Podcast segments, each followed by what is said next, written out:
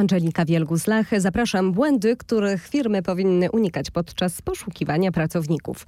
Dobrze działający dział zasobów ludzkich jest niezbędny na wielu różnych poziomach. Jest podstawą dobrze zorganizowanych, funkcjonujących zespołów, zapewnia firmom dostęp do wykwalifikowanych talentów, pomaga zatrzymać wartościowych pracowników oraz tworzy w firmie dobrą kulturę i atmosferę. Jeśli działa naprawdę prężnie, również na wizerunek firmy może wpłynąć pozytywnie.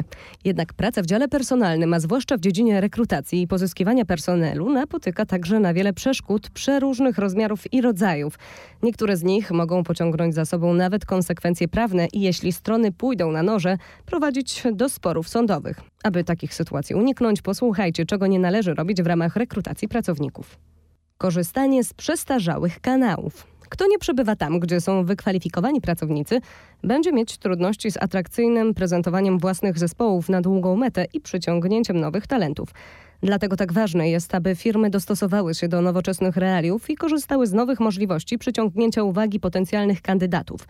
Media społecznościowe i sieci biznesowe, targi rekrutacyjne czy wydarzenia cyfrowe mają ogromny potencjał i zdecydowanie należy wziąć pod uwagę wykorzystanie ich w ramach nowoczesnych strategii rekrutacji personelu niekompletne oferty pracy. Wyobraź sobie, że napotykasz na ogłoszenie o wymarzonej pracy. Lokalizacja, zakres obowiązków, wymagania, wszystkie kryteria pasują. Aplikujesz i udajesz się na rozmowę kwalifikacyjną tylko po to, aby dowiedzieć się, że jest to praca w niepełnym wymiarze godzin lub praca tylko na rok, a w ogłoszeniu wcale nie było o tym mowy. W takim przypadku nie tylko aplikant traci czas, ponieważ praca nie jest dla niego odpowiednia, ale również sama firma, ponieważ niepotrzebnie wydała środki na skontaktowanie się z kandydatem i przeprowadzenie rozmowy kwalifikacyjnej. Firmy mogą łatwo uniknąć takich niekorzystnych scenariuszy, jeśli dobrze zaplanują swoje ogłoszenia o pracę i dostarczą szczegółowych informacji na temat oferowanego stanowiska. Niezbędne będzie tutaj zastosowanie zasady czworga oczu i zaangażowanie na przykład kierowników odpowiednich działów, a także specjalisty do spraw zasobów ludzkich. Oszczędzi to niepotrzebnych komplikacji, a tym samym czasu i pieniędzy. Rezygnacja z potwierdzenia otrzymania dokumentów aplikacyjnych. Cuda i dziwy dzieją się nieustannie. Nie dochodzą maile, w cyfrowej przestrzeni znikają załączone dokumenty, giną dokumenty wysłane pocztą. Tym bardziej więc denerwują się kandydaci, którzy złożyli podania, ale nie otrzymali żadnego potwierdzenia, że dotarły one w odpowiednie ręce. Dla niektórych firm wysłanie informacji zwrotnej do każdego podania może wydawać się niepotrzebną pracą, ale dzięki automatyzacji procesów w ramach wysyłania maili można nieco ulżyć kandydatom, którzy zniecierpliwieni czekają na jakikolwiek odzew. Takie działanie to nie tylko korzyść dla kandydata, ale także udowodnienie profesjonalnego podejścia firmy oraz jednoczesna dbałość o jej wizerunek. Przeprowadzanie rozmów kwalifikacyjnych bez przygotowania. Trafiła się właśnie niezapomniana rozmowa kwalifikacyjna, bez żadnego przygotowania.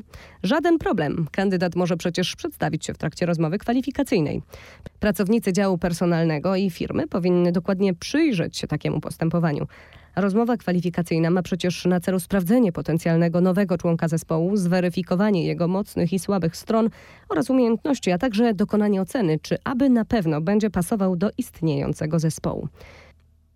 Dokonanie dobrze uzasadnionej oceny, a przede wszystkim zadanie właściwych pytań wymaga często o wiele więcej niż odbębnienia gotowego zestawu pytań. W tym celu konieczne jest wcześniejsze zapoznanie się z kandydatem, jego życzeniami i doświadczeniem oraz zaznajomienie się z dokumentami, aby móc zadawać konkretne pytania. Zwłaszcza, że w rekrutacji nie tylko chodzi o podjęcie ważnej decyzji o długofalowych konsekwencjach, ale o to, by już na tym etapie kandydat poczuł się doceniony dzięki zainteresowaniu się jego osobą. Wielką szkodą byłoby dla firmy, gdyby wysoko wykwalifikowany, dobrze pasujący do reszty zespołu kandydat zrezygnował, ponieważ poczuł się zlekceważony przez słabe przygotowanie ze strony firmy. Zbyt duża koncentracja na niepotrzebnych kwestiach psychologicznych. Wyobraź sobie, że jesteś truskawką i musisz uratować świat. Jak to zrobisz? Istnieją firmy, które poddają swoich kandydatów testom i bombardują trudnymi, a czasem absurdalnymi pytaniami, aby sprawdzić ich kreatywność i zdolność do rozwiązywania problemów. Może to być uzasadnione w niektórych obszarach zawodowych i firmach, zwłaszcza jeśli praca w sposób kreatywny i zorientowany na rozwiązanie w sytuacjach stresowych rzeczywiście należy do niezbędnych umiejętności. Istnieją jednak również wysoko wykwalifikowani, utalentowani kandydaci, którzy po prostu nie wiedzą, co począć z tak absurdalnymi problemami, ani jakim sprzętem AGD chcieliby być, ale mimo to posiadają wysoki poziom kompetencji. Dlatego jeśli takie pytania w ogóle są konieczne, należy wcześniej dobrze je przemyśleć i powściągliwie wykorzystać. Niedozwolone pytania na rozmowie o pracę. Istnieją również pytania, które firmy powinny nie tylko oszczędnie dawkować podczas rozmów kwalifikacyjnych, ale wręcz całkowicie ich unikać. Należą do nich pytania dotyczące stanu cywilnego, ciąży, pragnienia posiadania dzieci, orientacji seksualnej, pochodzenia etnicznego, przynależności partyjnej, wiary czy chorób. Zakaz ten ma umocowanie prawne w niemieckiej ogólnej ustawie o równym traktowaniu, której celem jest zapobieganie lub eliminowanie dyskryminacji ze względu na rasę lub pochodzenie etniczne, płeć, religię lub przekonania, niepełnosprawność, wiek lub tożsamość seksualną. Kandydat zapytany o takie kwestie nie jest zobowiązany ani do udzielenia odpowiedzi, ani do odpowiedzi zgodnie z prawdą. Oznacza to, że nawet kłamstwo jest w takiej sytuacji uprawnione. Jeśli kandydat czuje się zmuszony odpowiedzieć na takie pytanie niezgodnie z prawdą, firma nie może podjąć przeciwko niemu kroków prawnych, nawet po fakcie i nawet jeśli potem okaże się, że było to kłamstwo, ponieważ firma nie powinna była w ogóle o to pytać. Jednak i w tym przypadku istnieje wyjątek, a mianowicie, jeśli takie pytania miałyby znaczenie dla przyszłego stosunku pracy, na przykład, jeśli pracodawca reprezentujący określone wyznanie, na przykład Kościół, pyta o przynależność religijną lub jeśli zatrudniający pyta o wcześniejsze wyroki, ponieważ praca jest związana z pieniędzmi, na przykład jako kasjer. Traktowanie kandydatów jak petentów. Z doświadczenia można powiedzieć, że zawsze znajdą się kandydaci, których podczas rozmów kwalifikacyjnych traktuje się jak petentów. Jeśli firmy rezygnują z przyjaznego smaltoku na początku rozmowy i nie udaje im się stworzyć miłej, profesjonalnej atmosfery, szybko odstrasza to najlepszych aplikantów. Zalewanie kandydatów trudnymi pytaniami i pewne hierarchiczne podejście w rozmowach kwalifikacyjnych to już zamierzchłe czasy. Dziś wiele wykwalifikowanych, utalentowanych osób jest świadomych swojej wartości rynkowej i kompetencji, więc zrozumiałe jest, że chcą być traktowani z szacunkiem i bez spoglądania z góry. Mają też pytania i wymagania wobec swojego potencjalnego nowego pracodawcy.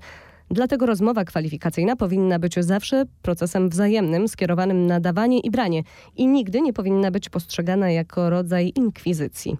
Lekceważenie ochrony danych. Ochrona danych osobowych jest ważna i wynika z niej dla przedsiębiorstw wiele obowiązków. Oprócz konsekwencji prawnych, zbyt pobłażliwe podejście do ochrony danych może być również niekorzystne dla wizerunku firmy i odstraszać kandydatów. Przykładowy scenariusz? Prawdziwa sytuacja, która przydarzyła się znajomemu. Kandydat siedzi na rozmowie kwalifikacyjnej, a kierownik działu mówi: A, pracuje pan pani obecnie w firmie X. To ciekawe, Pani X i pan Z, również z tej firmy, przesłali nam niedawno swoje aplikacje. Zna ich pan pani? Jest to dla kandydata nie tylko nieprzyjemna sytuacja, ale wyraźny dowód całkowicie nieprofesjonalnego podejścia potencjalnego pracodawcy. Firmy powinny za wszelką cenę unikać takich fopa w zakresie ochrony danych. Ukrywanie warunków lub zadań. Podobnie jak w przypadku, gdy przez nieuwagę informacje o pracy są niekompletne, równie nieprofesjonalna sytuacja prezentuje się, gdy firmy próbują umyślnie ukryć mniej atrakcyjne aspekty pracy. Typowe przykłady takich praktyk to na przykład okazjonalna praca zmianowa i dyżury, podróże służbowe lub inne wcześniej niewspomniane zadania, które celowo są ujawniane nowemu narybkowi dopiero po pewnym czasie, ponieważ zmniejszają atrakcyjność stanowiska. Jest to jednak przegrana dla obu stron. Nowy pracownik od razu traci zaufanie do nowego pracodawcy, jak również początkową motywację, a ponadto musi radzić sobie w warunkach, które mogą być dla niego absolutnie nie do przejścia. Może i firma ukryła niechcianą część obowiązków, ale w ten sposób sama przyczyniła się do zmniejszenia produktywności i satysfakcji zespołu. Doświadczenie pokazuje, że na dłuższą metę takie praktyki nie wychodzą nikomu na dobre odkładanie formalności związanych z umową. Nawet jeśli ustne ustalenia są prawnie wiążące, nic nie może równać się z prawdziwymi umowami podpisanymi własnoręcznie. Zdania typu umową zajmiemy się później są dla wielu kandydatów bezużyteczne, ponieważ nie dają im niezbędnego zapewnienia. Firmy odkładające kwestie związane z podpisaniem umowy na później szybko wychodzą na niepoważne i powinny mieć świadomość, jak negatywnie wpływa to na ich wizerunek. Opieszała komunikacja lub jej brak.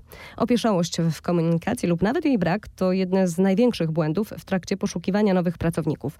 Niezależnie od tego, czy kandydat dopiero co złożył swoje dokumenty, czy też został już zaproszony na rozmowę kwalifikacyjną, bez względu na zaawansowanie procesu rekrutacji, każdy z nich czeka na odpowiedź. Nie chodzi tutaj tylko o odpowiedzi pozytywne, ale również o informacje o odrzuceniu aplikacji.